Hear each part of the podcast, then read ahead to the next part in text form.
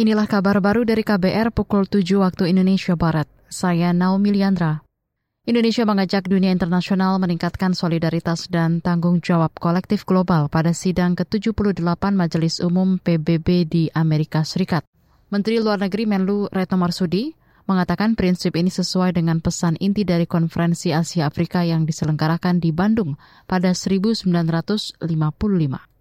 Kemudian kita lihat sekarang ini, dunia juga sedang di persimpangan jalan. Dan kita lihat apa yang ada di Bandung Spirit, prinsipal-prinsipal dari Bandung Spirit masih sangat relevan. Dan saya sampaikan bahwa spirit inilah yang dibawa Indonesia ke mana-mana, uh, termasuk pada saat kita menjadi presiden G20, kita menjadi ketua uh, ASEAN, dan juga selalu dibawa di dalam diplomasi kita termasuk di uh, diplomasi di uh, PBB ini.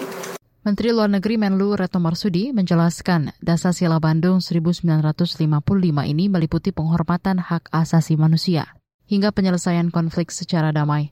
Retno mengatakan Indonesia akan berperan menjadi jembatan dan dapat mendengarkan pendapat posisi negara-negara lain.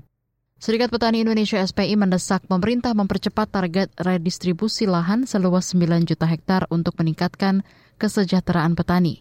Dari 4,5 juta hektar, target redistribusi lahan baru sekitar 35 persen yang sudah terrealisasi.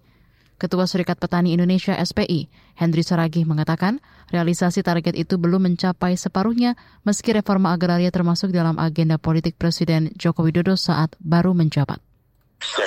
Terus mendesak ya di masa pemerintahan Jokowi yang masih tersisa satu tahun ini ya uh, supaya uh, reforma agraria itu dituntaskan lah. Uh, walaupun tinggal satu tahun lagi ya bagaimana janji 9 juta itu supaya direalisasikan. Karena dari 9 juta yang janjikan itu baru terrealisir cuma 1, sekian juta. Ketua Serikat Petani Indonesia SPI Henry Saragi mendesak pemerintah memastikan tidak ada lagi perampasan tanah, intimidasi, kriminalisasi, dan diskriminasi hukum kepada petani maupun pejuang reforma agraria lainnya. Saudara 24 September diperingati sebagai Hari Tani. Kemarin Presiden Jokowi melalui media sosialnya mengucapkan terima kasih atas kerja keras petani-petani Indonesia hingga pasokan beras di pasar-pasar dan persediaan beras di gudang-gudang mencukupi. Kita ke Liga Inggris.